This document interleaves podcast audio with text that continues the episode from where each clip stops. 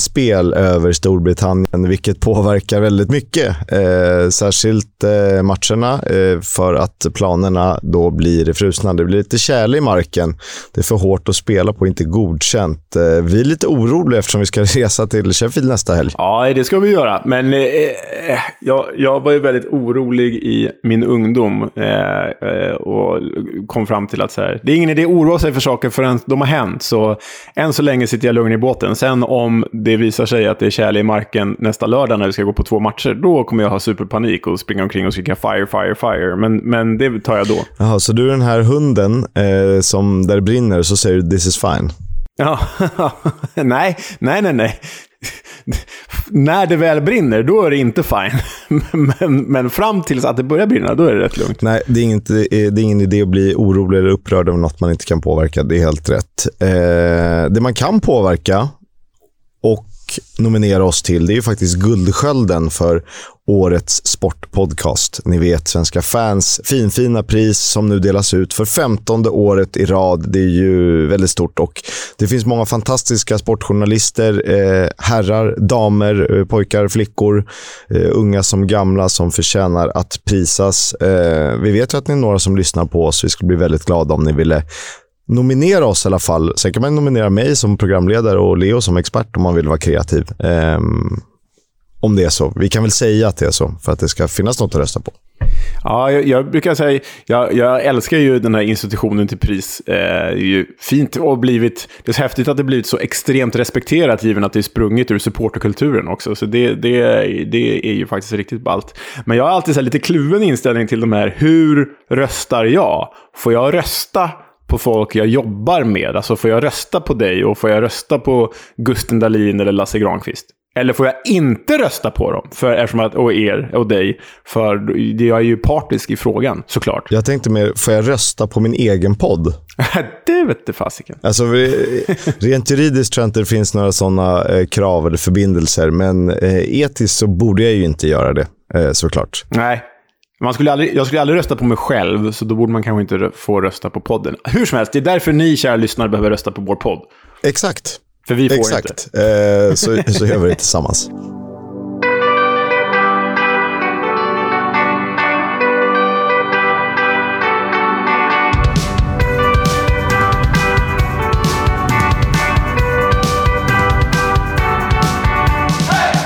Du lyssnar på Football's Coming Home, en podcast om riktig engelsk fotboll. Eh, det är så vi kallar den. Championship, League 1 och League 2 med mig, Oskar Kisk och eh, givetvis även... Eh, Marco Materazzi höll jag på att säga. Men Leonard Jägerskiöld Welander, närvarande. Marco Materazzi, okej. Okay.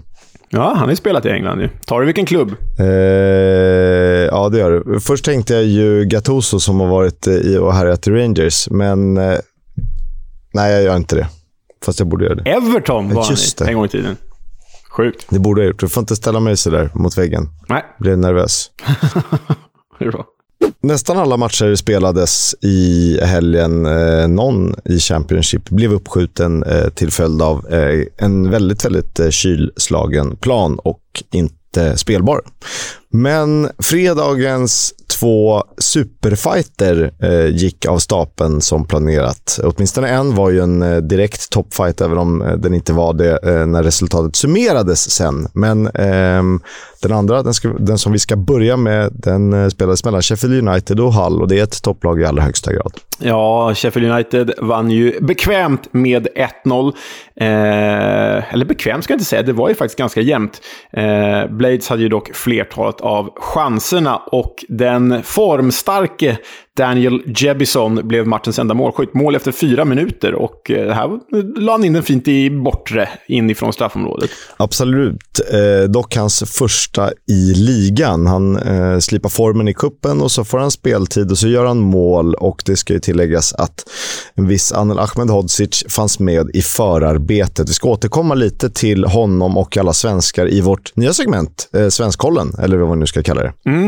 Eh, framförallt är det en rolig vignett som ni får höra strax. Men eh, ja, Kisk Sheffield United ångar ju bara på. Sju segrar och en oavgjord på de åtta senaste. Eh, fem poäng förvisso bakom serieledande Burnley, men det känns som att det spelar mindre roll när de har ett stort gap ner på 13 poäng, tror jag, till Watford på tredje plats. Eh, så nej, Sheffield United imponerar ju så in i bängen och det passar ju bra eftersom vi ska se dem på plats nästa vecka mot Rotherham. Mm, jätteroligt. Eh, kan ju bli intressant i och med att det är derby och Rotherham väl vann eh, på Bramall Lane när de möttes tidigare den här säsongen. Mm, I november där ja. Så eh, det var precis innan, sista matchen innan Rotherham föll som ett korthus. Men nu är de tillbaka igen, men det återkommer vi till. Eh, Halls förlustfria svit om sex matcher tog ju slut och det var spiken i kistan var i 84 minuten när Benjamin Tette såg rött. Eh, lite lustig situation för att det delades ju inte ut några smällar eller slag. Eh, däremot så försökte han ju skalla Ollie McBurney jag vet, ja, jo, det ska väl vara rött. Eh, men då ska det delas ut må ganska många röda kort under en säsong. Ja, det är ju en sån där liten Hufflepuff. Eh, det är ingen riktig så här dansskalle, utan det är en sån där liten markering. Men visst, det, det är ju gesten som räknas. Jag är inte överraskad över att det är McBurney som utsätts för den, för han verkar vara en riktig jäkla tölp. Han gillar att agitera folk, om vi säger så. Han är en retsticka. Han, är ju, eh, han känns ju väldigt mycket läd också. Så är det ju. Eh, I gästande Hall gjorde ju Aaron Connolly startdebut, eh, lånet från Brighton and Hove Albion, på topp. Eh, jag har en intressant frågeställning. Mm. Däremot så skulle jag ju vilja att vi väntar lite okay. med den. Ja. För du nämnde ju att Sheffield United var 13 poäng före Watford på tredje plats. Burnley är 18 poäng före Watford på tredje plats, Burnley som leder serien. Och vi kan ju, vi kan ju prata om Burnley, för de mötte ju West Brom samtidigt som Sheffield United besegrade Hull med 1-0. Eh, och vann där trots en tung start. Ja, de vände ju faktiskt 0-1 underläge hemma mot West Brom till 2-1-seger. Um, ehm, och det här var ju, det här kändes ju som att, nu hade ju visserligen Burnley hemmaplan i och med att den spelades på Turf Moor, men på förhand kändes ju den här matchen som att här kan Burnley faktiskt tappa poäng. För Carlos Corberans West Brom känns ju som det bästa laget eh, efter toppduon just nu. Kanske till och med bättre än Sheffield United för tillfället. Eh, men de vände ju på det här Burnley och vann och då får man ju säga att nu är det ju bara en rak sträcka upp till Premier League för dem. Det, det, finns, det finns inget annat. Och att vända dessutom mot den här typen av motstånd med så få minuter kvar. Jag menar, Nathan Tella kvitterar ju med, med kvarten kvar. Scott Twine vi avgör ju matchen med tre minuter kvar, så ytterst imponerande vändning av Burnley här. Ja, Darnell Furlong ledningsmålet och sen kan man väl säga att det var ganska mycket Claret eh, för hela slanten egentligen. Ganska underhållande fight där. Eh, Tellas eh, löp är jättefint, han har en superacceleration där.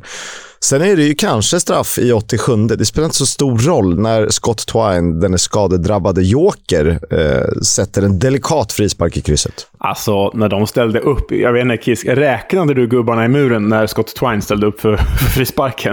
Eh, de är väl åtta stycken, va? West... Och två på markering, tror jag. West Brom langar upp åtta spelare i muren. Och Scott Twine gör mål ändå. Herregud. Alltså det är synd att han har varit så skadad som han har varit den här hösten. För jag menar, de värvade ju honom för, från MK Dons inför säsongen och han drämde ju en frisparkar där i parti och minut. Och vi skrev ju upp honom inför den här säsongen också. Men tänk om han kan komma in i det här Burnley-laget och, och liksom vara frisk den här våren. Jag menar, pff, bara kliva in. Han var som en sån här, du vet, kicker i NFL. Okej, okay, nu byter vi in dig så får du sparka bollen. Och så superfrispark. Nej, otroligt alltså. Helt otroligt. Det känns ju som att det är, det är, fler som kan tänkas lägga, göra anspråk på de där frisparkarna. Han har en Ian Matsen som visat sig vara duktig på liggande ah, tillslag. Nu var inte Gudmundsson med. Han, även han har ju visat upp sig. Och jag kan tänka mig att eh, utan att veta att Benson Manuel och Anna Saruri i rätt läge, 3-0 hemmaplan 87 eh, rätt sugna på att prova också från distans. Ja, ah, gud ja. Säkert Brownhill också. Så nej, det, det är ett jäkla gäng de har det, men den här frisparken, jag bara skrattade högt när jag såg att det var åtta man och han skruvade in den så läckert. Ah, det är häftigt. Och då kan vi ju landa i den frågeställningen jag hade, eh, som jag tycker är intressant. Jämförelsen eh, Fulham-Bournemouth förra säsongen, där Fulham liksom älgade, ångade fram helt ostoppbara. Bournemouth som superstabil tvåa. Kändes aldrig riktigt hotade egentligen om vi slår ut över 46 matcher och typ 46 poddavsnitt, eller någonting i den stilen.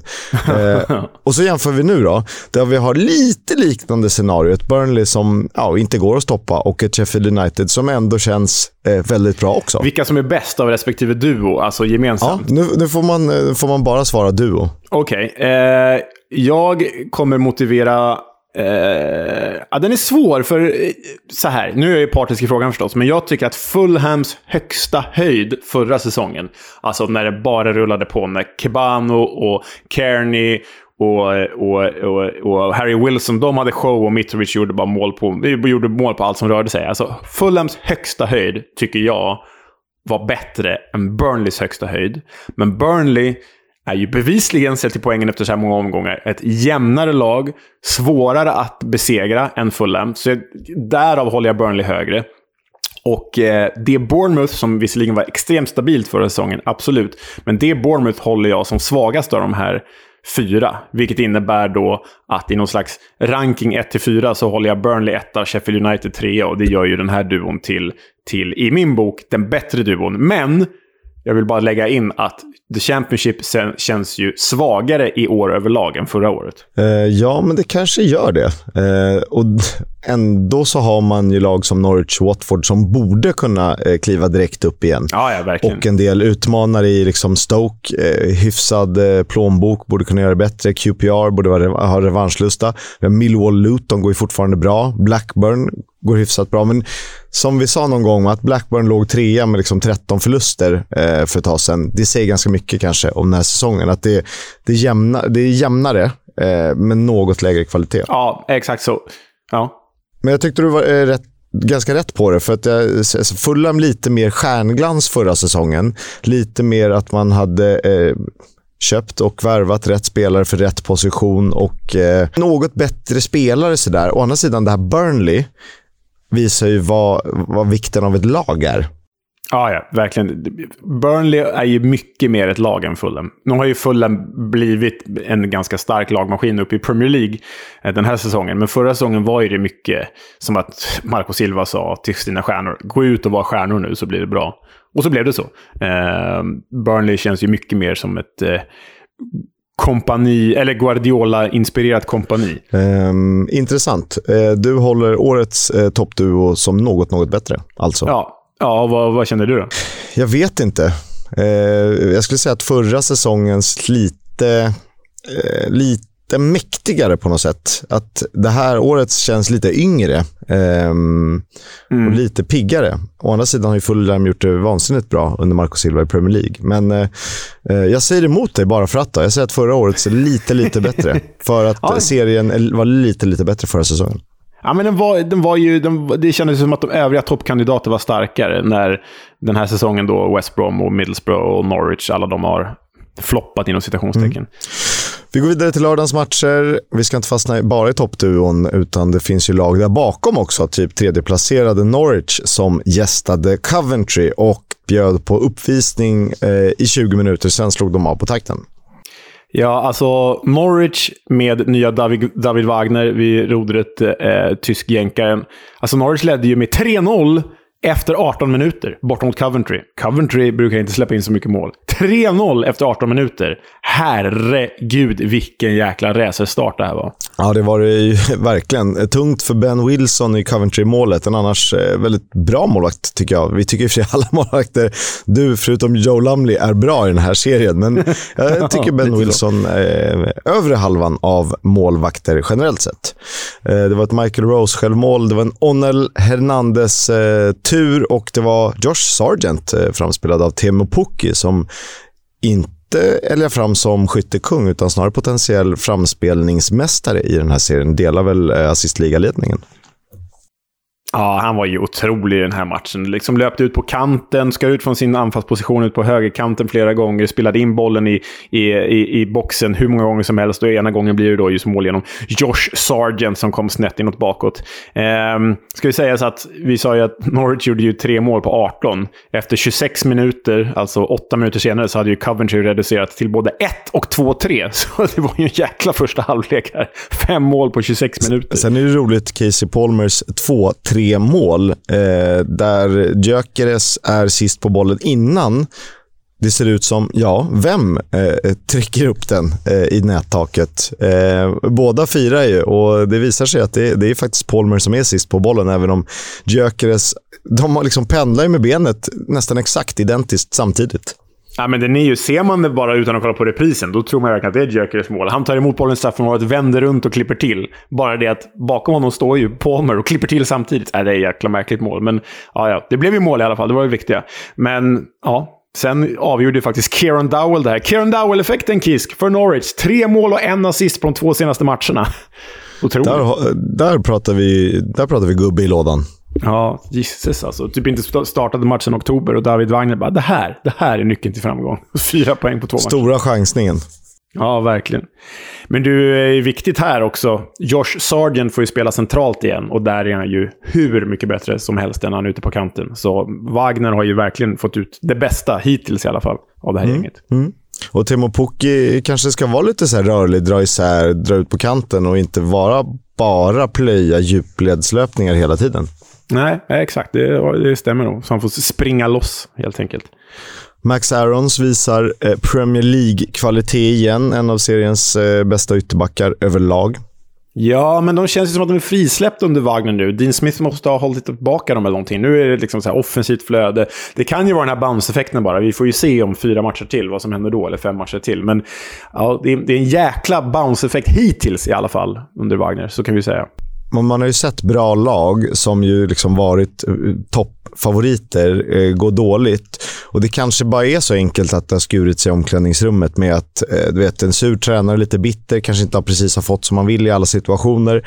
Eh, det går ut över spelarna som känner så här, varför ska jag ge hundra för den här tomten? Eh, mm. Det kommer säkert en ny tränare snart, det är så det funkar i fotboll. Så kommer en ny, så vill alla visa upp för honom att jag är svinduktig på fotboll. Eh, så här brukar jag spela. Ja, ja, eh, ja men så, så enkelt kan det faktiskt ha varit.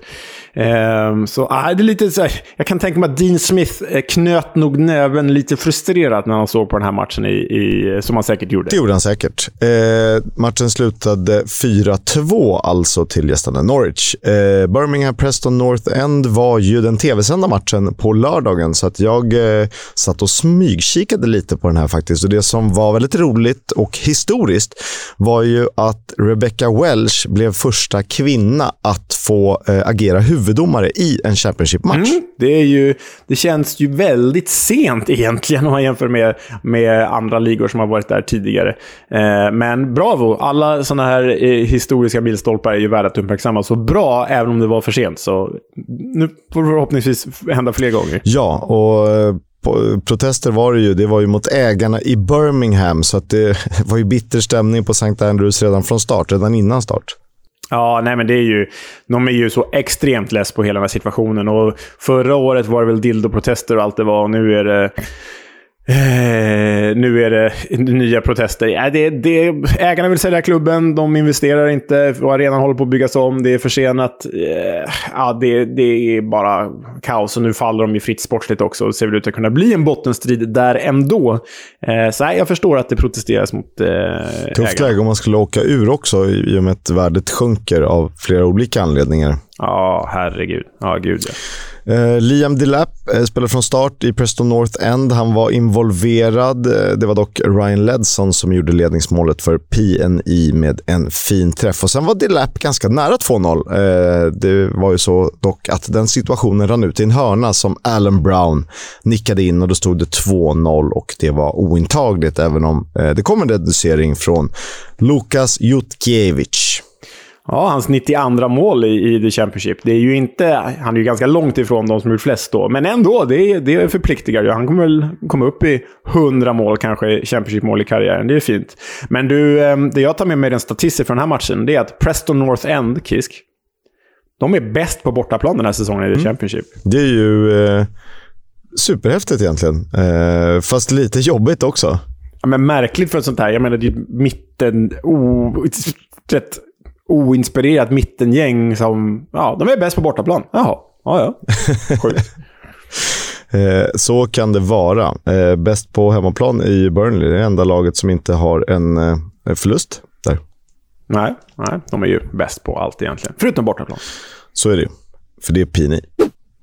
Blackpool Huddersfield uppe i Lancashire blev uppskjuten och vi får vänta på Mick McCarthys Championship-återkomst. Mm, men vi får strax höra honom i det här avsnittet och det gillar vi ju. Det är ju världens häftigaste manager på alla sätt. Ja, kan, Förutom nivån. kanske är det. Eh, Bristol City, Blackburn 1-1 och eh, det här var ju faktiskt eh, Black, Blackburn Rovers första kryss efter eh, 27 spelade matcher i den, den här säsongen i ligan utan. Ja, ehm, eh, och det är ju rekord i Championship-historien såg jag. 27 raka matcher utan kryss. Jag vet inte vad du kände, Kisk. Jag, jag, jag gick och funderade på det här för någon vecka sedan. Så här, när Blackburn väl kryssar, kommer jag känna lätt, lättnad eller kommer jag bli lite ledsen? Och jag blev, jag blev lite ledsen, för, eller ledsen, men jag kände jag blev lite besviken. Fan, jag vill att jag ska blev också besviken. Det var, det var något som så här försvann ur mig. Ja, det här är en sån snackis man vill återkomma till i avsnitt efter avsnitt. Nej, de har fortfarande inte kryssat. Men nu, nu, nu är det kört. Nu förstörde ni allt Blackburn. Eller så var det Bristol City som förstörde kanske. Eftersom vi började prata om det här i typ september. När det så här, nu har de spelat sex matcher utan kryss. Exakt. Ja, herregud.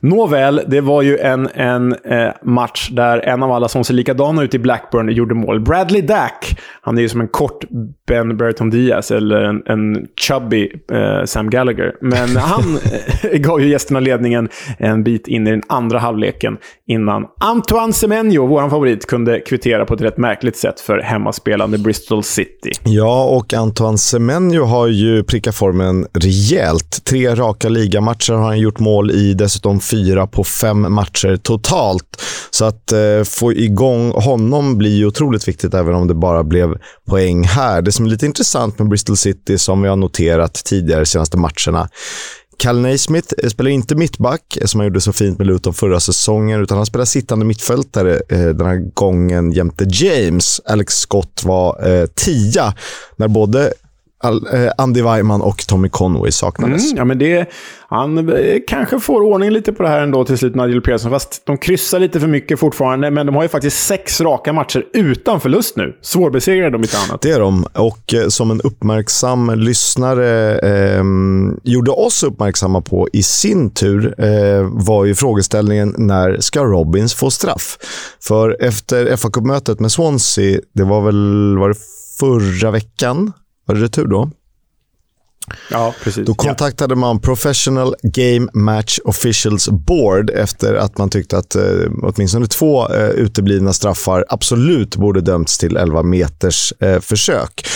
Och Det här betyder att det har gått 444 dagar eh, sedan eh, Bristol City fick straff senast. Det var ju 6 november 2021. Och det är så här, de har fått en straff på 730 dagar. Eh, så att det är ju hiskeliga siffror. Totalt är det alltså 57 Ja, det- ligamatcher och 6 cupmatcher. Dessutom några träningsmatcher om man vill eh, få in dem också.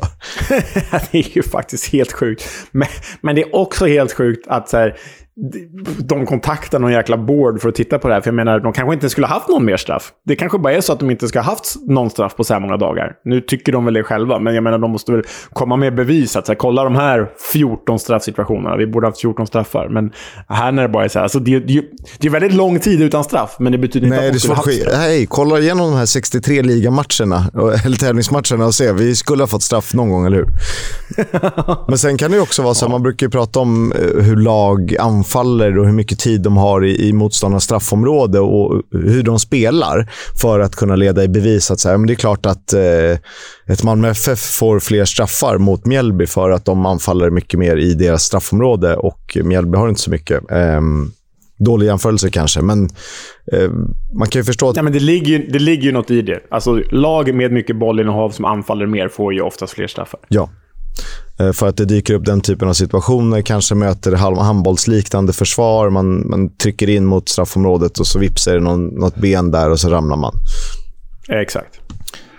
Eh, stackars Bristol City. Dessutom är det ju någon domare som, som dömde dem, jag vet inte om det var i FA-cupen eller senast, som eh, ursprungligen håller på Bristol City och inte ens då fick de straff. Så det säger rätt mycket. ja, men då vill man göra tvärtom. Då vill man ju liksom... Vara extra, liksom, extra- Är man extra hård. Precis. Eh, 1-1 blev det där alltså. Det blev seger för Millwall i kravallmötet borta mot Cardiff. Det var ju dock eh, inga kravaller i den här matchen, men eh, det känns som ett gammalt stökmöte. Ja, men det är det ju. Det är väl eh, två av Storbritanniens mest erkända firmor har väl hållit till i respektive eh, klubb här. Men eh, det var inte det protesterna utanför den här arenan och matchen handlade om, utan protesterna riktades mot eh, Cardiffs ägare Vincent Tan, den malaysiska bondskurken. Eh, han är på väg att köra anrika Cardiff rätt ner i League One. Eh, de är en klubb som liksom tickar i alla boxar nu egentligen. De sparkar många managers på kort tid, eh, de lyckas inte med sina värvningar, de har haft ekonomiska sanktioner mot sig, de har straffats i domstol, de har eh, supportrar som eh, bråkar med ägaren och vice versa. Så nej, jag, jag är inte förvånad om Cardiff, kanske inte den här säsongen, men slutar i League One så länge Vincent Town inte säljer dem. Eh, det kan nog vara så. Eh, sen skulle man ju vilja ha dem i League One på något sätt. På ett, de skulle ju vara en, kunna vara en stormakt där eh, säsong efter säsong. Eh, men eh, så är det med det. Vi tycker inte så mycket om Cardiff jämfört med Newport och Swansea kanske. Nej, så är det väl. Och det kanske beror mer på Vincent Tan än något annat. Men i nuläget så, nej, fy uh, usch för Cardiff. Och de jagar ju faktiskt sin tredje manager för säsongen. Mark Hodgson, Mark Hodgson fick ju gå för ett tag sen. Men uh, du, det här målet Kiss som Tom Bradshaw gör för Millwall. Uh, jag vet att man säger inom sportjournalistiken, i alla fall inom tv-branschen, att man ska hellre hylla något bra än att såga något dåligt. Eh, men här finns det ju bara något dåligt att såga. Cardiffs försvarsspel är fasiken det sämsta på hela säsongen i den här situationen. Eh, ja, men det är det. Och det är lite synd att det är Cedric Kipré som, som råkar ut för eller hamnar i den här situationen. Han har ju i övrigt gjort en ganska fin säsong, eller till och med väldigt fin säsong för, för Cardiff. Kanske varit en av få ljusglimtar. Eh, han missbedömer situationen helt och det är starkt av Tom Bradshaw att fullfölja hela situationen, eh, men Kipré, jag vet inte riktigt hur han tänker att han skickar bollen bara. Ja, men det, är, det är så dåligt. Det som föranleder situationen med Kipré, det är ju att det är väl är det Jake Cooper ja, i Millwall-försvaret som liksom kliver upp eh, på, på hela offensiva planhalvan, går, vandrar rätt upp till straffområdet innan han släpper den till Tom Bradshaw. Alltså han kan stoppas av åtminstone tre spelare på vägen fram, men ingen kliver in. Det ser så extremt håglöst ut i, i, i Cardiff. De har ju gjort 21 mål på 21 matcher och det är sämst i serien och förmodligen kommer det ju att 21 på 28 va? 21 på 28. Ja, förlåt. 21 på 28. Eh, det kommer ju att kosta förmodligen. Eh, de försökte ju skjuta utifrån över den här matchen, men det går inte. Och det kan ju passa Millwall rätt bra att vara ramstarka, eh, för där tränger man inte Nej. igenom eh, hur som helst. Fast, alltså, Millwall pratar vi, tycker jag, förhållandevis lite om. Men fasen vilket härligt lag de har. Eh, nu är det ganska många som går på det helbrittiska spåret sen Brexit. Och förutom fantastiska Sian Fleming så är det ju bara eh, öarna där. Det är Irland, eh, Nordirland och ehm, England. Faktiskt ingen skotte. Oj! Budapest Badjo. Exakt, Callum Stiles. såklart. Exakt. Men, men ett jävla härligt lag. McNamara, Hutchinson, Cooper. Alltså det känns så himla Millwall. Men de är fortfarande bättre än det Millwall man tänker på när man säger Millwall. Ja, ja, ja. Alltså, de är ju så extremt gedigna, men när de då förra året hade Jed Wallace och nu har Sian Fleming så finns det ju någon slags kreatör där som, som står ut. Det är, så, det är en sån tydlig stjärna jämfört med alla andra. Att så här, det här, han är vår piedestalspelare liksom. Så nej, nej, men jag håller med. Millwall är, känns jäkligt gedigna under Gary Rowett och är ju häftiga med hela sin aura egentligen. Men det är ett häftigt lagbygge också. Och eh, alltså så här, spelare som Honeyman, Bradshaw eh, får ju stå i skuggan då för Fleming. Eh, som ändå skulle kunna kategoriseras som hyfsat kreativa, åtminstone jämfört med, med, med resten. Absolut. Eh, 1-0 blev det. Bradshaw alltså. Millwall på åttonde plats, som dock på samma poäng som Middlesbrough, med en match mindre spelad, vilket betyder att playoff-drömmen är ju verklig. Ja, ja. Nej, men det här lever ju hela, väg hela vägen in i mål, som det nästan gjorde förra säsongen. QPR Swansea var min helgardering förra veckan, med all rätt, för den slutade i 1 Ja, eh, ett eh, mittenmöte där båda har något slags häng på playoff-platserna. Eh, Jamal Lowe har ju kommit in från Bournemouth till QPR och eh, debuterade väl förra veckan. Och här gjorde han sitt första mål. Eh, hyllades ju efter match av både eh, Neil Critchley och medspelare. Eh, jag vet inte vad, jag såg ju inte matchen utan jag har bara sett höjdpunkter och läst statistiken. Men eh, även om Swansea hade bollinnehavet så är ju känslan att QPR hade kunnat vinna den här matchen med både 2 och 3-0. Men de brände ju fruktansvärt mycket chanser. Ja, verkligen. Eh, de fick ju en eh, ganska ovanlig indirekt frispark. Steven Benda plockade upp eh, en hemåtpass med händerna. Det får man inte göra, att han blir indirekt frispark. Nej, det får man inte göra. det, får man inte göra. det här var dock innan Steven Benda blev utbytt. Dock ej för själva eh, hemåtpass-upplockningen. Men eh, så blev det ju. Ilias Shahir var väl den som lossade, men det är rätt svårt när det liksom rusar elva man och bara... Ja. You shall not pass. Alltså du, du har ju två alternativ på indirekt frispark. Det ena är ju att köra en så här Patrik Bjerred Andersson och bara kruta för kung och fosterland när han sköt ligatiteln till Bayern München där eh, för 20 år sedan. Shit, det är 20 år sedan. Eh, eller så måste man typ så här nästan med finess lägga en låg bredsida under den framstormande armén av, av motståndarspelare. Ah, ja, det är svårt. svårt ja, jag tänker ju att så här, det är ju... För visst, får, man får väl spela hur man vill? Eller måste den spelas framåt? Eller någon så här Nej, jag tror du får spela hur du vill. Då vill du egentligen ha lite avstånd. Så att om du kan slå den bakåt 4-5 meter så får du lite vinkel ja, på jo, det. Ja, det, verkligen. Men det känns som att, du vet... Följ mig för fler tips. det, det händer ju så sällan indirekta frisparkar, så jag tror inte att någon tränar på det riktigt. Nej, det, det, det, det tror jag inte. Men QPR, jag vet inte under Neil Critchley, det har inte riktigt lossnat än. Nu släppte de in kvittering, en orättvis sådan i mina ögon, i 81 minuten. Jag tycker det påminner lite om hemmamatchen mot Sheffield United för ett par veckor sedan. Där de är chansmässigt bättre, men kan ändå inte utöka till 2-0 och så släpper de ändå in i slutet. Så, ah, det är någonting som saknas än så länge i Critchleys QPR. Ja, för efter helgen så är de på trettonde plats, vilket mm. ju eh, inte är godkänt eh, just Nej. nu, tycker jag. Nej. Får se vart det tar vägen. 1-1 slutade QPR Swansea. Det var Jay Fulton som kvitterade. Han spelades fram av Luke Kundle och satte bollen bakom Dieng. Eh, helgens höjdpunkt bland alla 1-1 fighter, ja men det var väl Stoke Reading 4-0! Stokes första poäng 2023, Kisk. ja, men eh, Dwight Gales första mål för Stoke smäller ju högre tills man såg det. Tills man såg det. Du, det är faktiskt Dwight Gales första mål sedan december 2020. Det är ju lång tid sedan. Det är över två år sedan. Men det är ju ett väldigt... Alltså det är ju inte hans mål. Han blir skjuten i ryggen och så studsar den in. ja, men av alla Oscar Estopinans inpetningar och konstiga träffar, det här är ju kanske säsongens fulaste mål. Eh, för att han blir skjuten i ryggen från distans och gör sitt första mål på liksom eh, två år och två månader. Ja, ja. det, det, måste, liksom kännas, måste nästan kännas värre, tänker jag. För det är inte han som har gjort målet. Det måste kännas så här, åh, blev det mål på det här sättet efter alla mina försök? Liksom. Nej, snopet. Men det var ös på Britannia i alla fall, när Smallbone, Tyrese Campbell och Jacob Brown eh, hade gjort mål dessförinnan. Och kunde ju ärlighetens namn blivit mer. Också. Ja, eh, så det finns ju potential här. Två spelare gillar Tyrese Campbell och Jacob Brown. Jag tycker ofta att de... Jag tror att i rätt miljö så hade de kunnat... Nick Powell, Lewis Baker. Pff, underbara. Ja, så Phil Jagielka var väl i Team of the Week. Eh, typ 207 år gammal. ja, nej, men det, det, det, kommer inte bli någonting nu, men på sikt, Alex Neil kanske är rätt för stock. Vi får se, men det, ja, jag lovar dig att vi kommer övervärdera dem nästa säsong också. Um, om man tittar på The Royals, en seger på de sex senaste i ligan. Och räknar man bak lång tid med Reading nu och tittar på de 17 senaste, då har de bara vunnit fyra matcher. Vad har de? 28 insläppta på 15 bortamatcher, vilket ju då blir flest i serien. Ja, nej, det, det blir nog nedre halvan här för Paul Inces Reading, även om de klarar sig.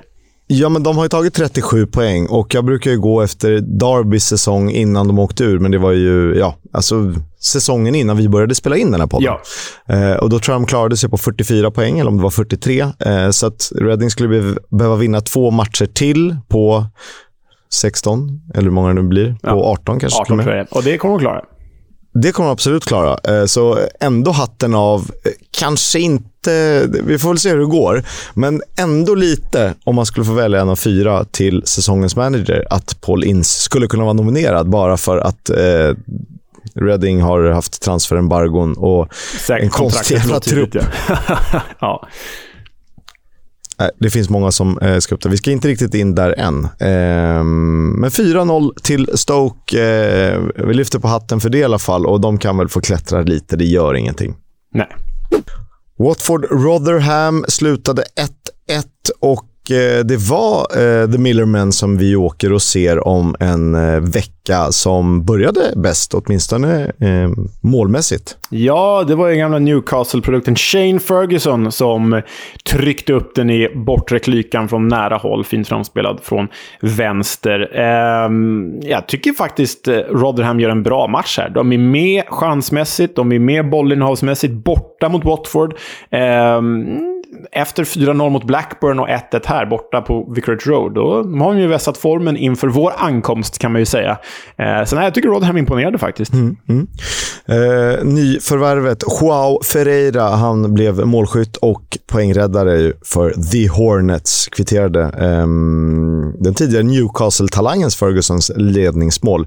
Men Ferreiras fullträff är ju mer eller mindre otagbar för Victor Johansson och fantastiskt vacker. Den bara liksom, som en missil letar den sig lågt i bortre. Ja, lågt borrad. Riktigt så här. Ja, men, den kommer ju från en vinkel, så det är inte riktigt Steven Gerrard mot Olympiakos, men det är lite samma typ av, uh, lite samma typ av skott. Så här, lågt. Precis det, kan nästan, det kan nästan vara vackrare än en, en, en sådär, du vet, chans jag tar i för kung och fosterland som landar i krysset. Även om eh, det har sin estetik också. Eh, svenskmöte här ju, bara det att eh, Ken Sema fortfarande är skadad. Victor Johansson stod ju hela matchen och fick rädda fem skott. Gjorde väl helt okej. Okay. Watford är trea i tabellen. De är dock eh, 15 poäng bakom, eh, 13 poäng bakom Blades och 18 efter Burnley. Det vet ni ju vid det här laget. Mm. Sen var det ju så, eh, det var en liten, jag tyckte tweeten var ganska rolig. Det var någon som tyckte det var irrelevant med hur många, hur många räddningar man har gjort. Men eh, jag tycker ju faktiskt att det eh, hör till saken. För det tyder ju på att du kanske inte har det bästa försvaret framför dig, men ändå eh, har lite att göra. Viktor Johansson 116 räddningar, eh, Thomas Kaminski 83 och därefter följer med lite eh, mellanrum. Ja, eh, eh, exakt. Lee Nichols har väl 81. Och tittar man bara på räddningsprocenten så är Victor Johansson bäst i serien. Framför faktiskt Watfords Daniel Bachmann som ligger två.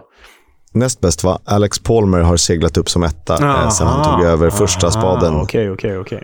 Men vi återkommer till det. Mm. Wigan Luton, eh, de möttes ju här om veckan kändes det som. Det gjorde de ju. Eh, den här gången så förlorade de också. Hemma mot Luton, Wigan alltså. Eh, så Kolo Torres eh, rad fortsätter att vara väldigt, väldigt mörk. Ja, men Wigan 0, Luton 2. Det var ju andra gången på fyra dagar som de möttes eftersom att de möttes i FA-cupens omspel. Och Luton har ju vunnit med 2-1 i FA-cupen och 2-0 här. Och det innebär ju att, Lut att Luton har vunnit lika många matcher den här säsongen på DW Stadium som Wigan själva har gjort. Två, två segrar var den här säsongen. Stackars Wigan, fy fan. Deppigt. Det där är statistik jag gillar. Ja, riktigt deppigt Wigan. Oj, oj, stackarna. Men hatten av för The Hatters. Men ärligt talat, vad, vad jag har läst mig till och sett så gjorde Wigan faktiskt en okej okay match här. De, de bjöd upp, men de eh, har ju inte så mycket framåt som Luton har när Harry Cornick eh, gjorde sitt första mål för säsongen faktiskt. Var det hans första i ligan, eller? Mm. Ja, jag tror det. Det var det jag läste mig till i alla fall. Han tog eh, skadade Carlton Morris plats på topp bredvid Elijah Adebayo och eh, Adebayo har eh, likt eh, vissa andra anfallare, typ Antoine Samania, vaknat eh, den här under, den senare, eller den tidigare under Rob Edwards. Målet tre raka matcher. Ja, och liksom tittar man på Edwards-effekten så alltså de har bara en förlust på de sju senaste nu och spelar ju faktiskt bländande offensiv fotboll när det vill sig. Så eh, Luton har ju verkligen träffat rätt i, i Edwards-anställningen, tycker jag i alla fall. Däremot en annan anställning som inte riktigt eh, blivit som den skall. Colo Touré, sju matcher som Wigan manager. Två kryss, fem Jag vill minnas att det var du som sa det, men, men det krävs lite bollar för att ta över ett Wigan med typ eh, 12 man i truppen och en bra spelare, Will Keane. Och sen tänka, men det här ska jag rädda. Ja, men det, så här, jag fattar, det är hans första chans som huvudtränare. Det är klart man tar den, men Wigan är ja, kanske det svåraste projektet den här säsongen i The Championship. Det kanske är det.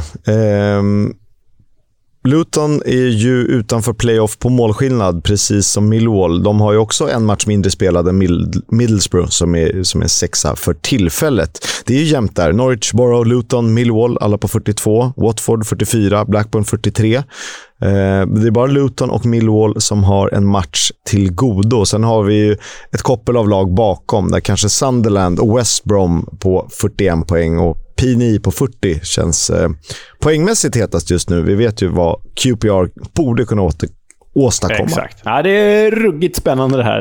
Ja, det blir en härlig vår tror jag. Ytterligare en match att avhandla. Den spelades på söndagen. Och Var det ett derby eller var det inte ett derby? Det beror på vem du frågar. Frågar du The Smoggies, alltså Middlesbrough-supportrarna, så är det absolut ett derby. Men mycket rabalder på sociala medier från Sunderland-fansen att det här absolut inte är ett derby. Vi spelar derby mot Newcastle. Det här är bara en vanlig match. Så ja, det är lite storebror mot lillebror-syndrom här. Um, Typ som när mitt kära fulla möter Chelsea. Vi tycker att det är ett jättehärligt derby, medan de typ vilka är ni? Vad pratar ni om? Exakt, Så, och det är upp till betraktaren att avgöra. Känner man att det är ett derby, då får det väl vara ett derby. Men det var däremot en speciell match för Tony Mowbray. Eh, stor Borough-profil efter eh, sina matcher där i klubben. Han tränar ju Sunderland numer och det gör han med den äran. Ja, för den här matchen hade ju faktiskt derbykaraktär. Eh, för det avgörande var ju faktiskt en utvisning på Middlesbroughs Dale Fry eh, som river ner en fritt framstormande Ross Stewart i början på den andra halvleken. Det var en jäkla, hände mycket där på ett par minuter. Fry utvisad, Ross Stewart eh, bränner straff. straff. Ja, men tar sin egna retur och sätter den. Och då har han faktiskt fått ett bortdömt mål sedan tidigare också i den här matchen. Så det hände jäkligt mycket på ett par, par minuter där. Och mycket kring eh, Ross Stewart, förstås.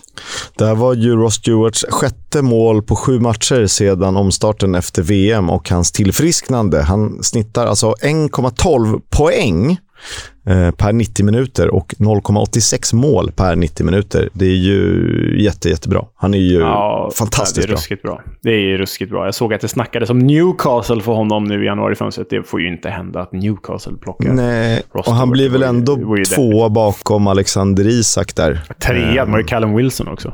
Ja, det har de ja. ja eh, nej, det vore ju dumt eh, ur, ur, alla aspekter. Det finns ju roligare klubbar att gå till i eh, Premier League för hans egen ja, del. Nej, han är ju... Och givet att han eh, börjar bli lite av en ikon, The Loch Ness Drogba, i ja, Sunderland. Märkt för livet om man går till Newcastle. Så nej, det råder vi honom att inte göra. Du, deras andra stjärna, Ahmad Diallo, Manchester United-lånet. Han hade ju stor show som han har i match efter match. Det var ju ett jäkla fint mål han avgjorde matchen med. 2-0 med 10 minuter kvar. Det går lite i perioder. Man vet inte. Eh, först var det Jack Clark som öppnade den här säsongen i hiskeligt tempo. Han har liksom fallit i glömska lite. Eh, sen var det Patrick Roberts som hade några sanslösa matcher eh, där mitt på hösten. någonting. Och nu är det Ahmad Diallo som sedan några månader tillbaka varit grym. Ja, jag ska bara lägga in här att Patrick Roberts såg ju faktiskt riktigt bra ut i den här matchen också. Man påminner som den Premier League han spelar en gång skulle vara i alla fall. Eh, så ja, Sunderlands seger innebär att de bara har en poäng upp till Borough på playoff. Så det är ju tight. Det var över 42 000 åskådare på den här matchen. Eh, det brukar ju vara eh, stor publik när Sunderland spelar. Eh, de har ju dessutom mm. det yngsta laget i ligan. Ja, åtta av startspelarna. 23 år eller yngre. Det är jäkligt imponerande. Det var den omgången match för match och nu till eh, premiären. Listen, Swindon. Sweden. It's a country you tool. Jag hoppas ni känner igen reklamen eh, från eh, Viasat Premier League ett par år sedan. Vi tänker att vi har den som lite, vi har lite svenskkollen och nu är de ju fem stycken eh, i Championship och ja, vi räknar in Anel Ahmedhodzic. Ja, men vi gör ju det. Alltså, det vore ju han är född och uppvuxen i Sverige. då är man svensk, vad än någon arg lyssnare skriver på Twitter. Han är absolut svensk. Sen kan man representera ett annat landslag. Kan mycket väl vara svensk medborgare för det. Men om vi ska gå igenom här då. Anel Ahmedhodzic spelade ju 90 minuter för Sheffield United i deras segermatch mot Hull. Han fick 7,2 i betyg av Who Scored. Och Who Scored är ju The Championships officiella Statistikpartner, typ. Statistikpartner. Eh, han fick ett gult kort. Han var stabil, viktig framåt, som han faktiskt är i det här systemet. Eh, sen var han ju med i någon slags provokation efter att Tette eh, försökte skalla McBurney. Så ja, han fortsätter ju vara seriens bästa mittback. Ja. Eh, det kanske man har en fördel av att om man spelar som en av tre mittbackar, men vad gör det? Han är förmodligen bäst. Ja. Viktor Gyökeres spelade 90 minuter eh, när Coventry föll hemma mot Norwich. Han noterades för en målgivande passning. Det var den där röriga situationen som Casey Palmer avslutade. Fick ganska lågt betyg i den här matchen, även om han alltjämt rankas som en av ligans bästa anfallare. Topp fem. Victor Johansson var återigen en klippa för Rotherham, även om han tvingades släppa en boll förbi sig borta mot Watford. Han toppar i listan över räddningar i serien och visar att han är en av ligans bästa burväktare. 6,7 fick han i betyg från WhoScore för den här matchen. Och räddningsprocent, han är näst bäst med 75,2. Medan Daniel Bachmann i Watford är trea. Alex Palmer, West Brom, etta. Och så en nykomling då. Hjalmar Ekdal eh, fick ju se sin nya klubb vinna ytterligare en match på plats och eh, det var under fredagskvällen och dagen efter så presenterades han ju av Burnley och det känns väldigt roligt att vi ska få prata lite med honom idag. Mm, det är ju väldigt kul. Eh, det gillar vi. Det ska bli spännande att se vad han har att säga. Och så har vi nämnt eh, Ken Sema, alltjämt skadad och utanför Watfords trupp tillsammans med åtta andra spelare delad femma i assistligan med fem målgivande passningar. Eller sex. Ja, sex målgivande passningar, exakt.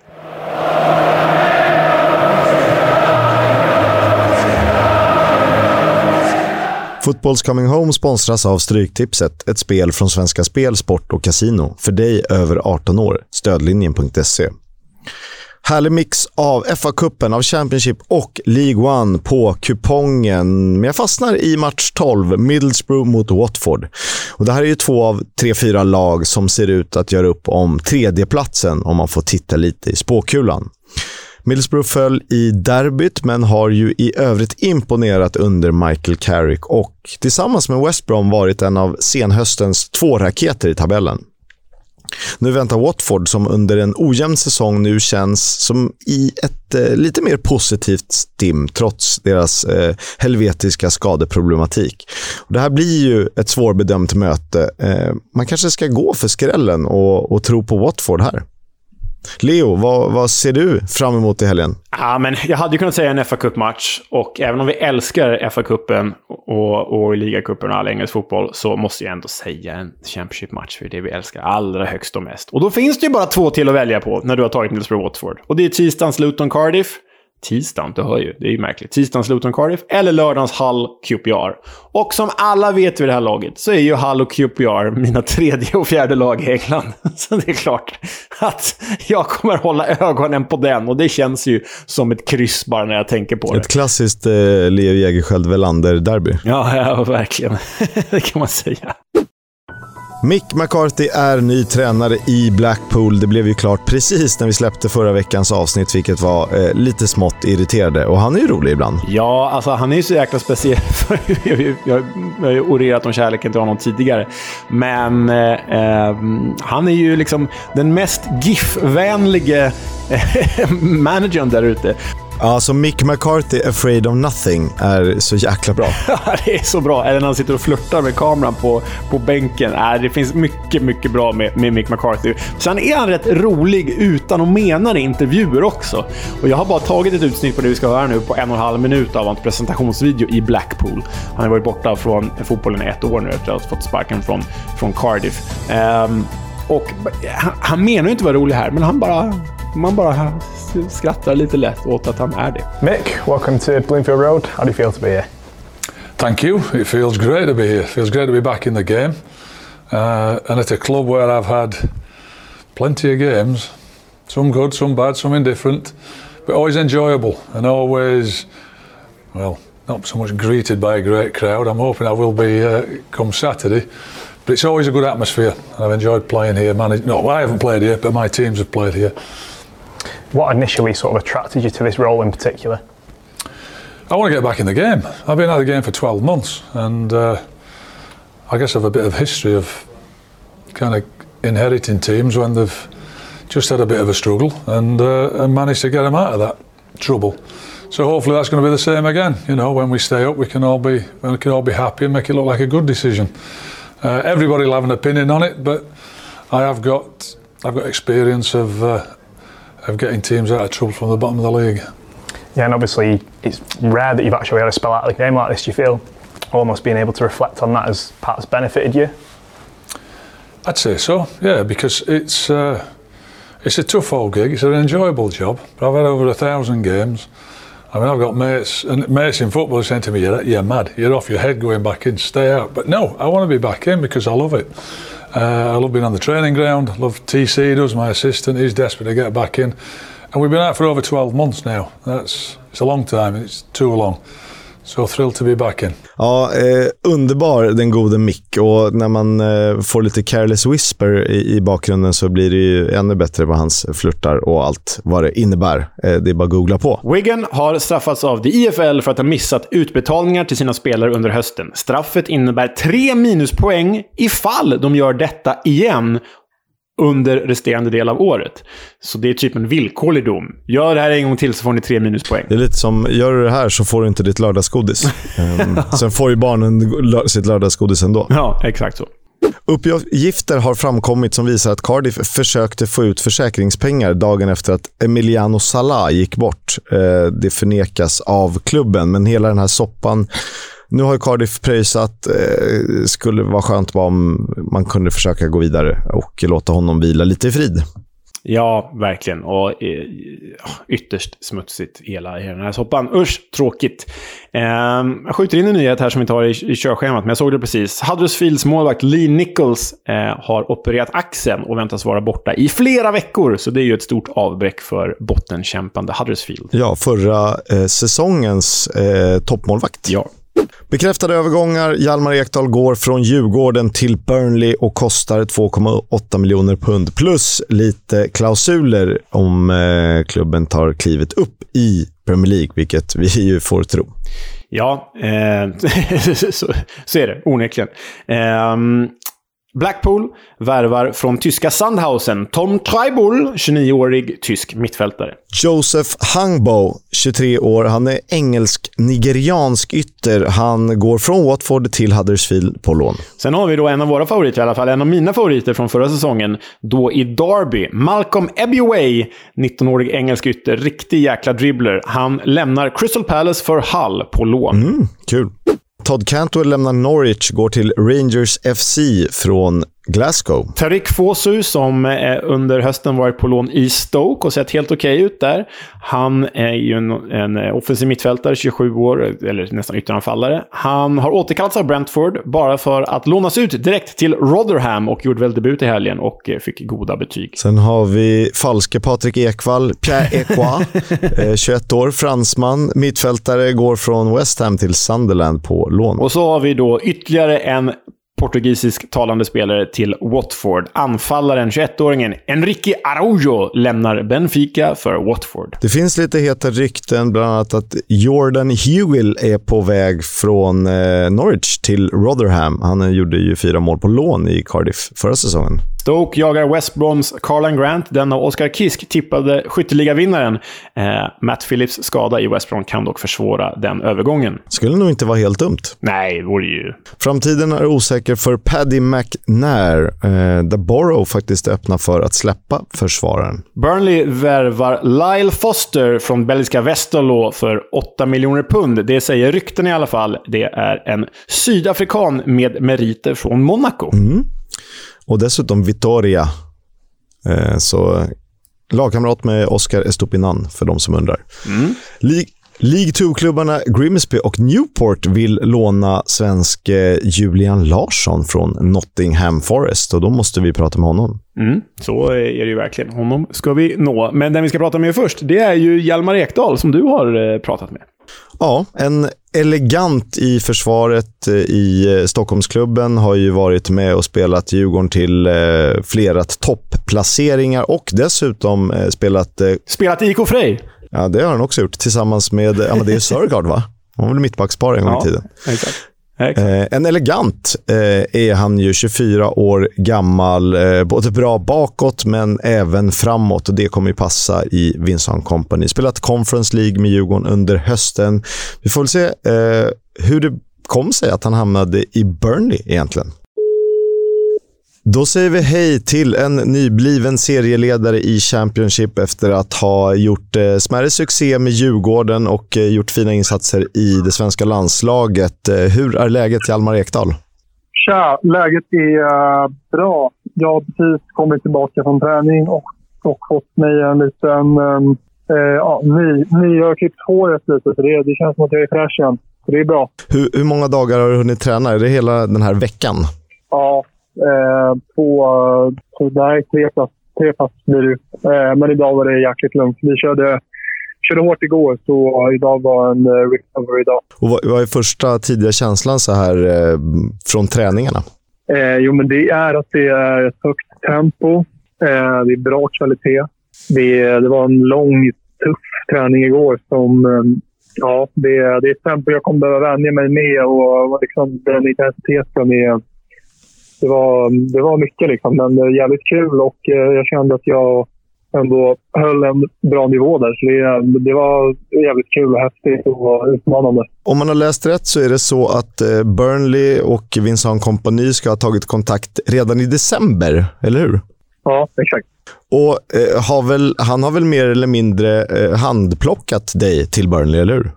Ja, eller jag vet inte hur man ska kalla det, men eh, det är ju...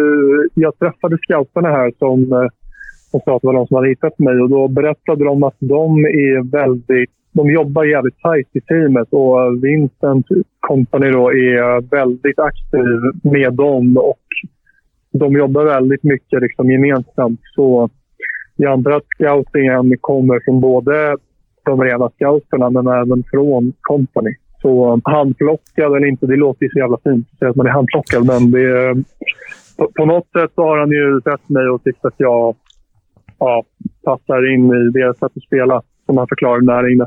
Eh, när träffade du eller pratade du med honom eh, första gången? Eh, I verkligheten?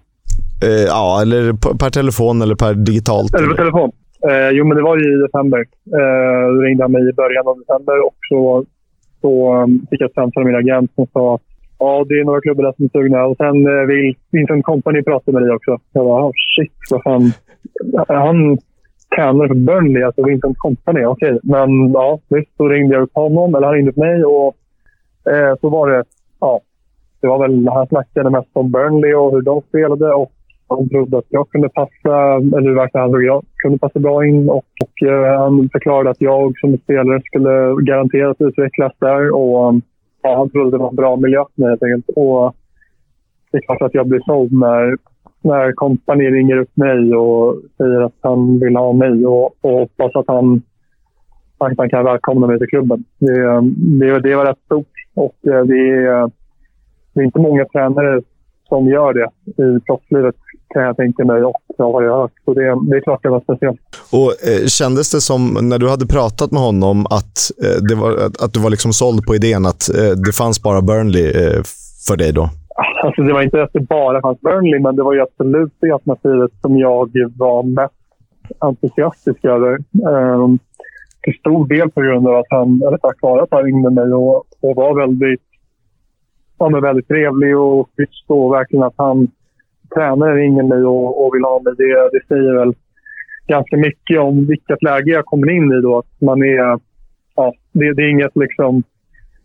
Det, det finns en trend i föreningen. Det inte att sportchefen vill värva mig och sen har tränaren inte fått något att säga till om. Vilket ändå är det viktigaste då, tränarens åsikt. Så det, det, det, gjorde, det gjorde ju mycket med mig såklart. Och eh, naturligtvis att de var redan då topp i Championship och hade liksom goda chanser. Och, spela Premier League om ett halvår. Så det är klart att allt, allt lockade. Ja, det är självklart. Eh, du nämnde att det fanns fler klubbar intresserade. Är det några konkreta sådär som du funderade på? Nej, det, det blev väl aldrig riktigt konkret med någon annan så, ehm, så att jag verkligen övervägde det istället för Burnley. Utan det var verkligen eh, det var Burnley hela vägen av, det, av det konkreta intresset kan man väl säga. Man ser ju kanske dig eh, mer i Italien. Jag vet inte om det är för att din brorsa har någon karriär i Italien eller sådär. Har du haft någon så drömliga att spela i? Eh, jo, men jag har väl tänkt att Italien hade ju varit fint och, eh, med tanke på brorsan där man sett vad han haft det och han har haft det jävligt bra. Så det är klart att det, klart att det har lockat.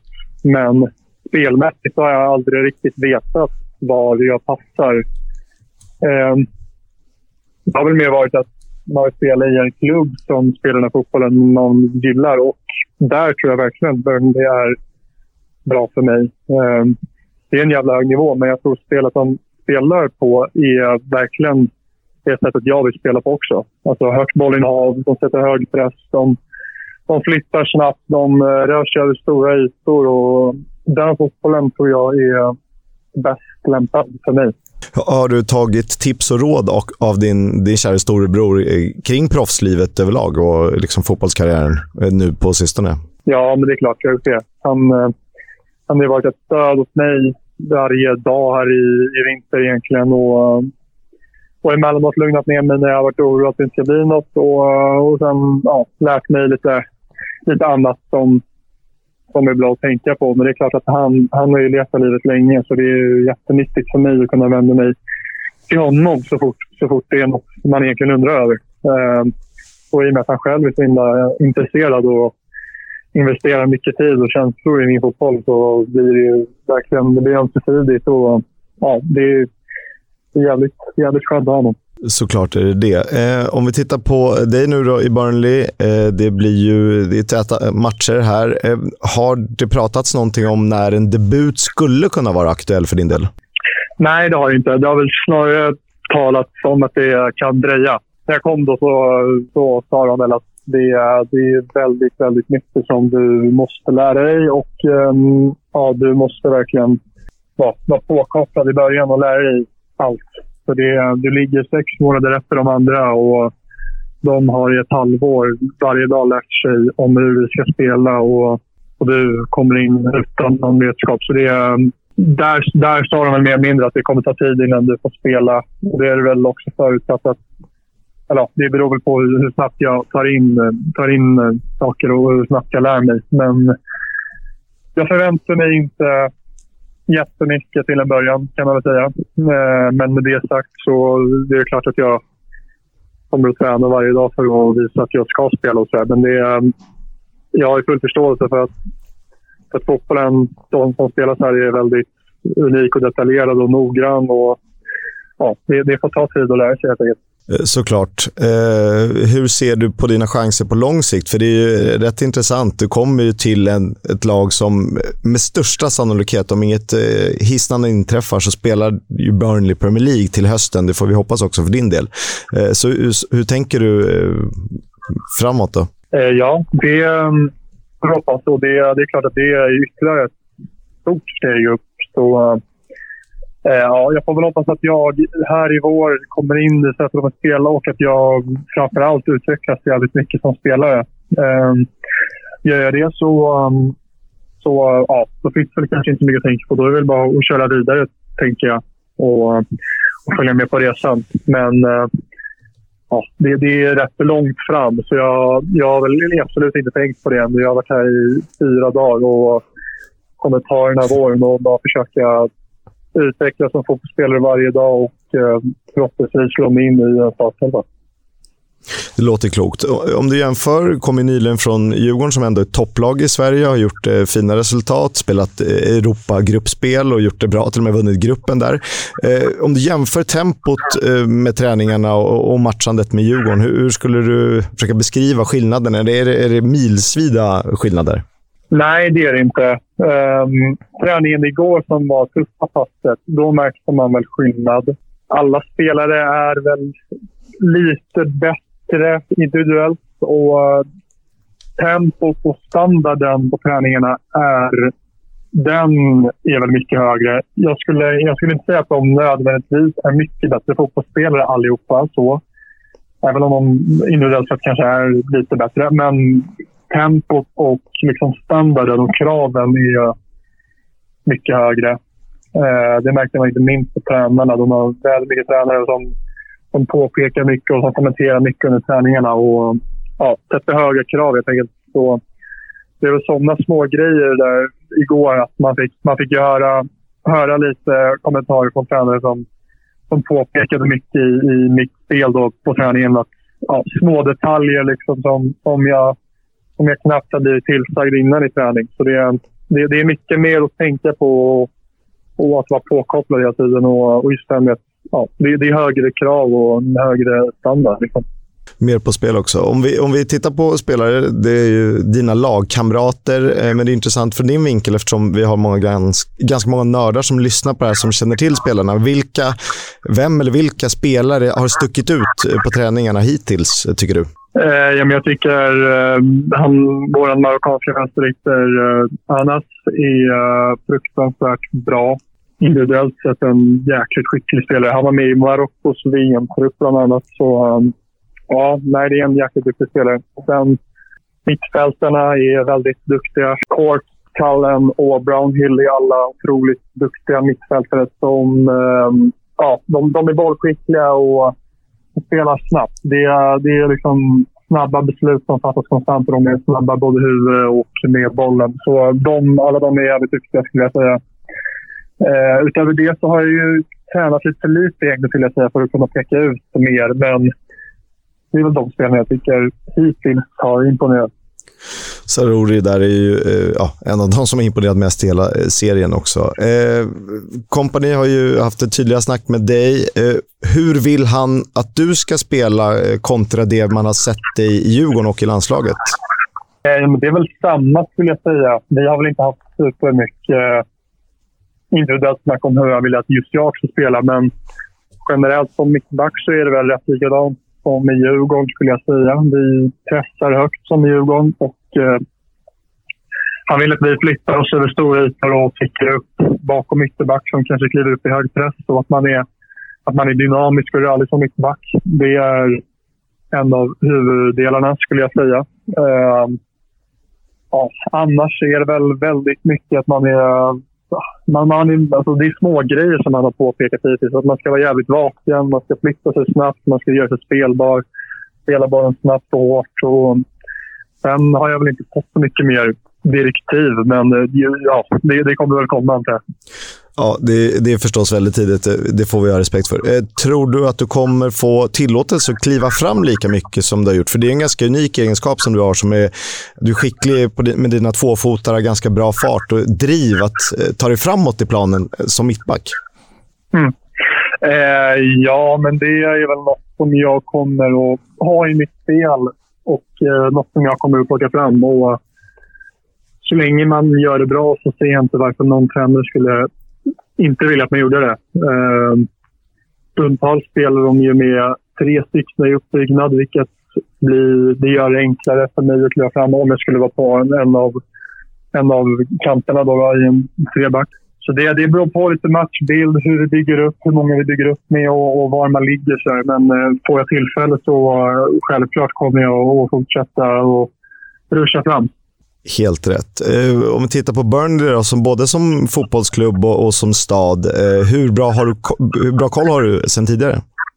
Eh, jo, men jag har väl följt Burnley lite smått i Premier League. Jag är en Premier League-nörd, så det är väl därifrån jag har lite kunskap. Eh, men från den fotbollen man hade i Premier League med Sean Dyche så är det en stor skillnad. ja, det är verkligen. Kan säga. Så ja, det är, jag tror de flesta är väldigt taggade på det och tycker att det är en, är en ja, bra förändring som har skett. Så det, um, det verkar positivt så och um, det är en harmoni i klubben såklart i och med att de leder Championship. Um, Burnley som stad har jag inte superbra koll på, men den ska väl vara okej. Okay. Nästan alla i laget bor i Manchester, så det säger väl kanske någonting. och tanken är att du ska bo i Manchester också, antar jag? Ja, det är tanken. Jag bor just nu på hotell mitt i Manchester och eh, ja, jag gillar det hittills. Det, det är en storstad, får man ändå säga. Så ja, det, är inte, det är inte superstor skillnad från Stockholm på så sätt. Och det, det, det trivs jag med. Och dessutom en väldigt rik musikhistoria med ja, Oasis, New Order bland annat. Precis. En sista fråga till dig. Då. Eh, det var lite snack kring det här med, med, Brexit och vad det har inneburit för utländska spelare att få spela i det engelska eh, seriesystemet. Och Det var ju snack även om att det skulle sätta käppar i hjulet för din övergång. Eh, har du koll på detaljerna där? Nej, jag har koll på att man behöver ett visst antal poäng, men jag förmodar att det var klart för dem rätt tidigt. Annars hade de väl inte budat, tänker jag.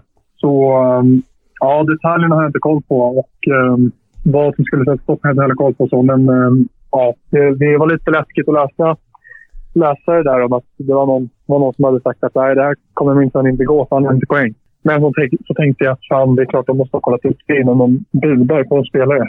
Så det verkar inte vara några problem i slutändan heller. Det verkar det inte ha varit. Vi får lita på kompani och kompani helt enkelt. Eh, stort tack för att du var med Hjalmar och stort lycka till. Vi hoppas att få se dig snart eh, på planen igen. Ja, tack. Det hoppas jag med. Ja, jag eh, sprang faktiskt på eh, Hjalmars storebror. Då pratade jag inte om Albin, utan om Joel på jobbet eh, igår. Och eh, då sa Joel att ehm, kanske absolut viktigaste i hela den övergången var när eh, Hjalmar fick prata med Craig Bellamy, numera assisterande tränare i Burnley. Och då, då eh, hade Bellamy sagt att kom till Burnley, för du kommer aldrig någonsin i din karriär ha en annan tränare som Wilson ja. kompani. Och eh, har Bellamy sagt det, då lyssnar man. Så är det. Man vågar nog inte annat. Största, det är den största förvandlingen. Det är lite som att George Best skulle fyllt eh, 40 och sen blivit nykterist. så, så, så. så städad har Bellamy blivit. Ytterst märkligt alltså. We'll have a chat about the fucking game. About your game, last few months, last few weeks. Fucking character.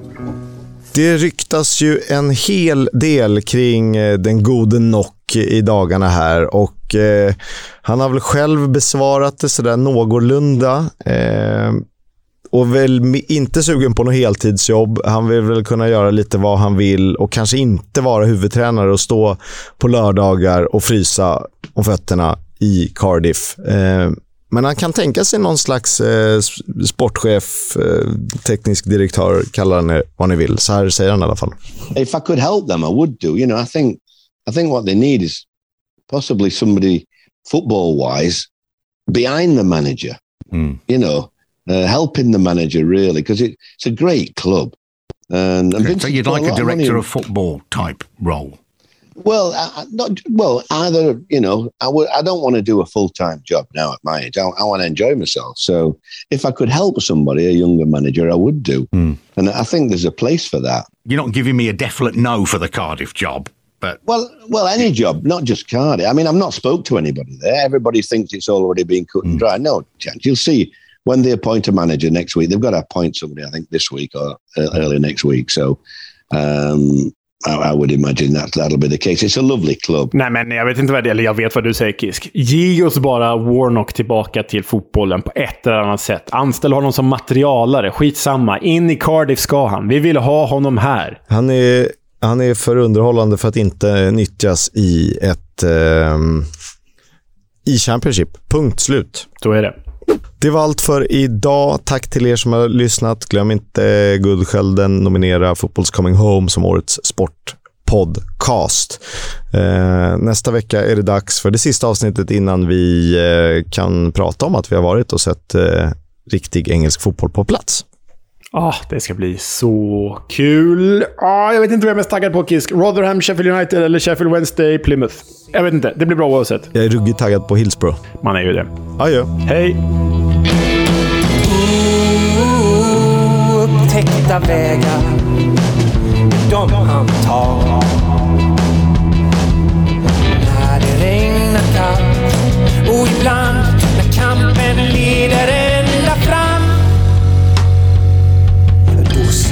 vi på lördag igen.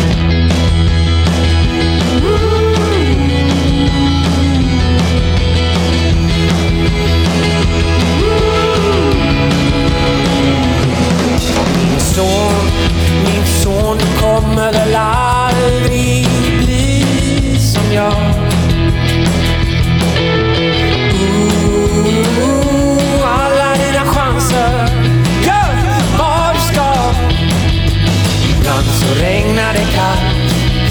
Lead Leader Company